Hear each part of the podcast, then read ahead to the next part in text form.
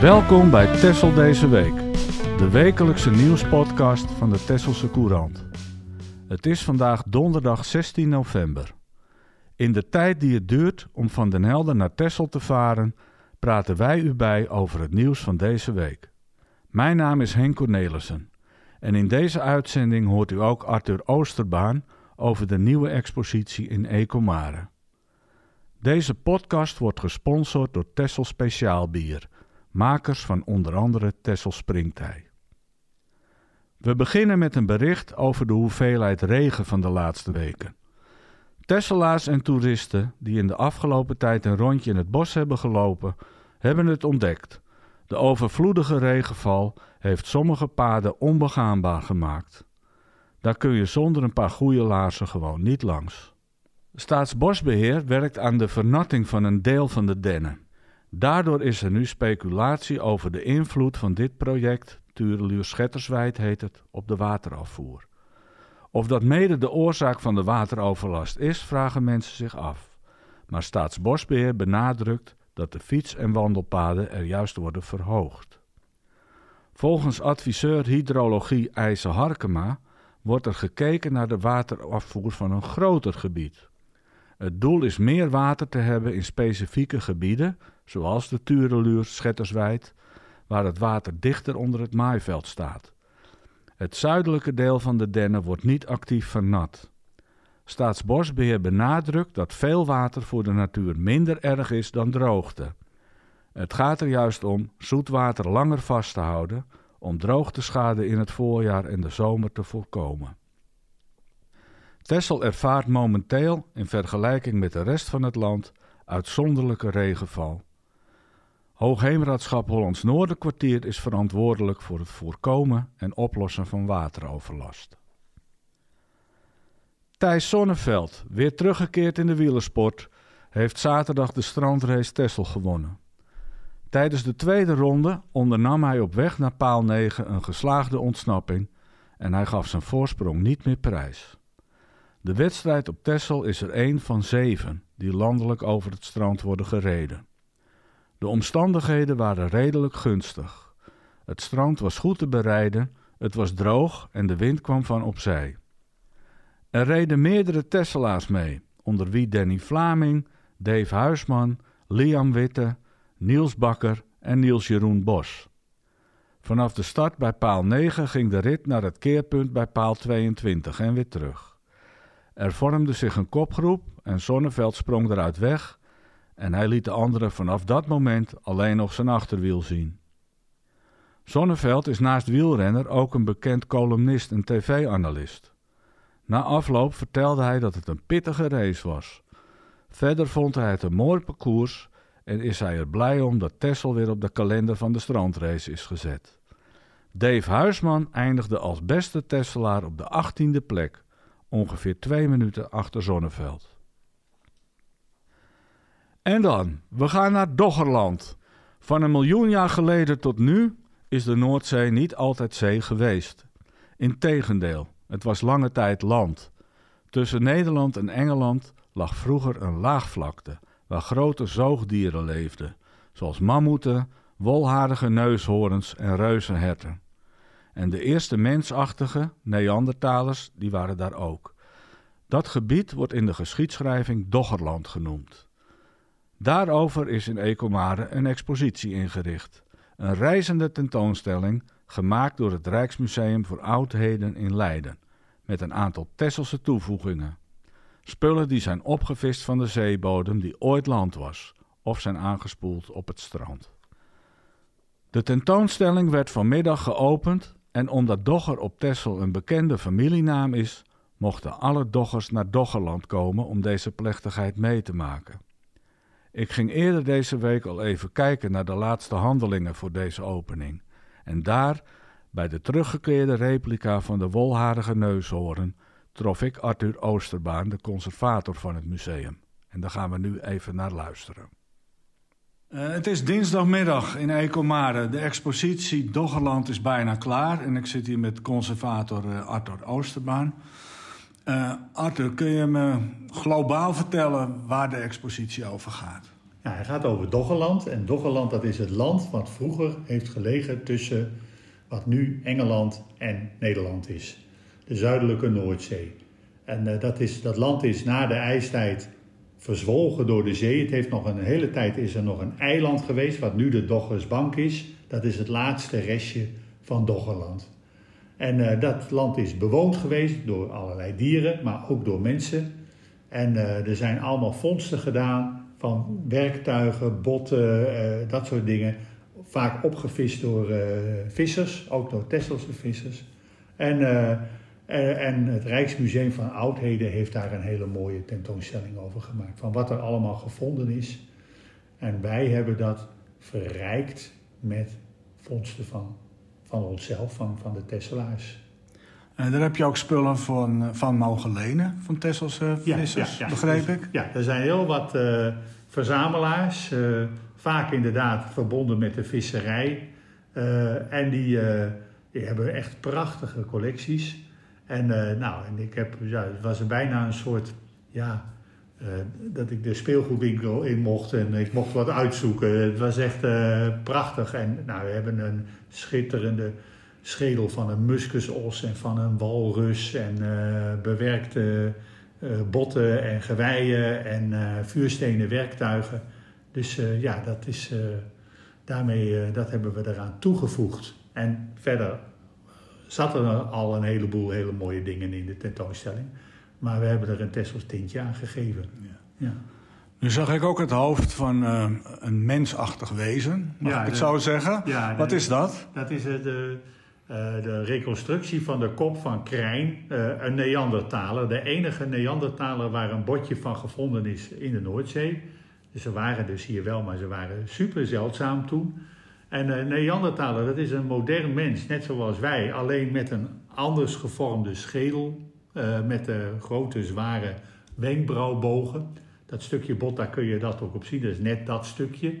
En, uh, en ja, uh, die hebben hier in de ijstijd tot 35.000 jaar geleden... hebben die hier rondgelopen. En die jaagden ook op die grote beesten... zoals wolharigen, neushoorns en mammoeten en steppenwiesens en dat soort dingen. Ja. Uh, verderweg het grootste element van de tentoonstelling is een uh, oude bekende Tesselaar. Ja, de wolharige neushoorn. Ja, de wolharige neushoorn. Ja, waar is die? Want hij is, uh, dacht ik, in begin 2020 is hij hier verdwenen. Ja, ja. Hij is 20 jaar oud al. Maar ja.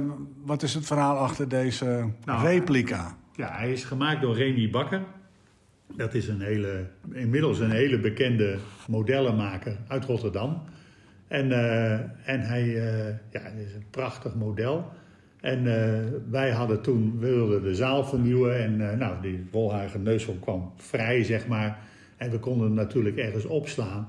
Maar we hebben toen gewoon gevraagd aan andere musea: willen jullie hem lenen? En toen kregen we meteen vier, vijf musea die zeiden: Oh, dat willen we wel. Want die kenden hem omdat hij gewoon zo goed is. En uh, dus hij heeft een hele tournee gemaakt door Nederland. Hij is in Leeuwarden geweest, in Nijmegen, in Denenkamp. Uh, hij is op allerlei plekken geweest. En, uh, maar nu wilden we hem weer terug. Ja. Want hij past natuurlijk bij Doggerland. Ja. ja. Nou loopt Doggerland een jaar volgens mij, hè? Ja. Deze expositie. gaat die neushoorn dan ook weer weg nee, hier? Of houden jullie? Ja, de neushoorn blijft dan hier. En de tentoonstelling gaat naar België. Ah. Dat is al bekend bij het Zwin. En uh, dus, uh, want uh, ja, Doggerland is zo groot. Het lag ook voor de Belgische kust. Het, het is echt een enorm gebied. wat dus allemaal land is geweest. En ja, waar de tentoonstelling over gaat.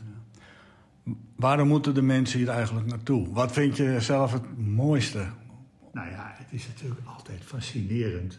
Een, een, een gebied dat helemaal niet meer bestaat, dat, dat verloren gegaan is. Denk maar aan Atlantis en zo, eh, dat soort legendes. Ja, en dit is dus echt gebeurd.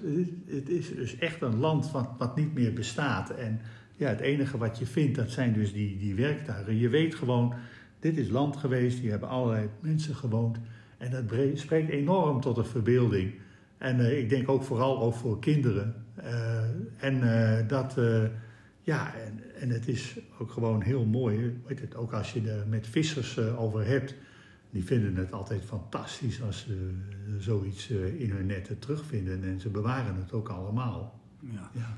Texel heeft dus eigenlijk ook deel uitgemaakt van Doggerland, bijna. Ja, dat kun je wel zeggen. Kijk, het was er gewoon natuurlijk één gebied. En Texel moet toen een, een hoger stukje van dat land zijn geweest. En, want de Hoge Berg was er al. Die is veel ouder nog. Ja. Oké. Ik heb nog een laatste vraag. Uh, we kennen jou natuurlijk van de podcast Beestachtig, die je maakt met Erik Hercules. Heb je al een mens bedacht die je met die wolharige neushoornen zou willen vergelijken? Ja, ja dat vind ik een beetje moeilijk. ik zit te denken aan een soort ruig figuur uit het hoge noorden. Een viking of zo, of een, een middeleeuwse koning. Ja. de, de king of Scots of zo, zo'n zo soort figuur. Maar dat is mijn eerste gedachte. Ja, niet aan iemand uit de actualiteit van nu.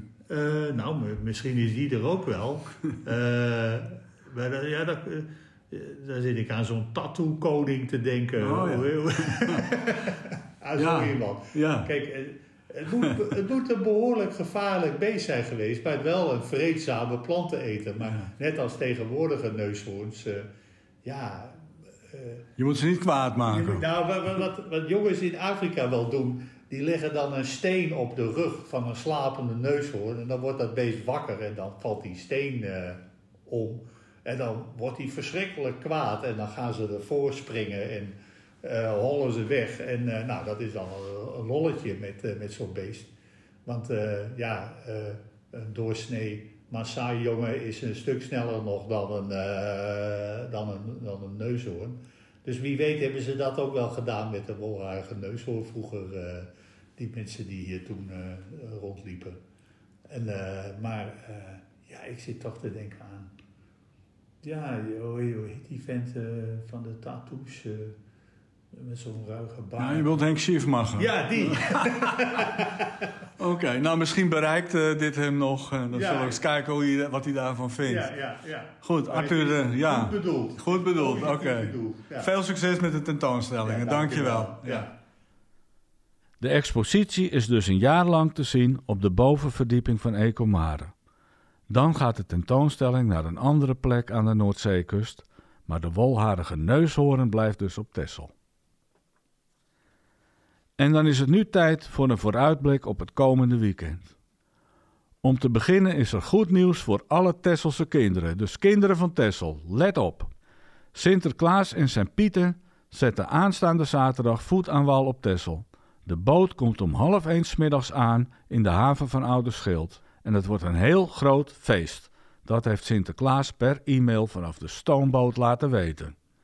We hebben geprobeerd Sinterklaas zelf aan de telefoon te krijgen, maar het was een beetje rommelig onderweg, zoals jullie in het Sinterklaasjournaal wel gezien zullen hebben. Maar gelukkig heeft de Sint e-mail aan boord en daarmee stuurde hij ons het volgende bericht. Ik verwacht jullie zaterdagmiddag allemaal op de kade in Oude Schild. En als dat nou niet lukt, omdat je moet sporten of je ouders moet helpen met boodschappen sjouwen, dan is dat niet erg. Want smiddags maken we nog een feestelijk rondje door Den Burg. Die begint om twee uur vanaf de rotonde bij de Emmelaan en de Elemert. De route van de intocht vind je in de Tesselse Courant en in het weekblad Tessel dit weekend. Om kwart over drie eindigt de optocht op de Groene Plaats. En vandaar gaan we naar het Glazen Paleis waar de Pieterband zal optreden. En denk er wel om, de kinderen mogen vooraan staan, de volwassenen moeten zich op de achtergrond houden. Als ze dat niet doen, krijgen ze niks in hun schoen. Tot zover de e-mail van Sinterklaas. Oh ja, en hij is gek op tekeningen, dus maak een mooie tekening en neem die zaterdag mee. Aanstaande zondag geeft het vrouwenkoor Allegro een concert in het kerkje van de Waal. Het koor staat onder leiding van Nelke Schreur-Visser en wordt begeleid door Elisabeth Waverijn aan de piano. Op het programma staan liederen uit Noord-Europa. Het concert begint om drie uur middags en de toegang kost 5 euro. Dat was het voor vandaag. De nieuwsberichten werden geschreven door Ed Witte en mijzelf, Henk Cornelissen. U hoorde verder ook Arthur Oosterbaan van Ecomare. Pepijn Dros deed vandaag de techniek En de montage werd zoals gewoonlijk weer verzorgd door Michelle de Vries. De podcast wordt mede mogelijk gemaakt door Tessel Speciaal Bier, de makers van Tessel Springtij. Tot volgende week.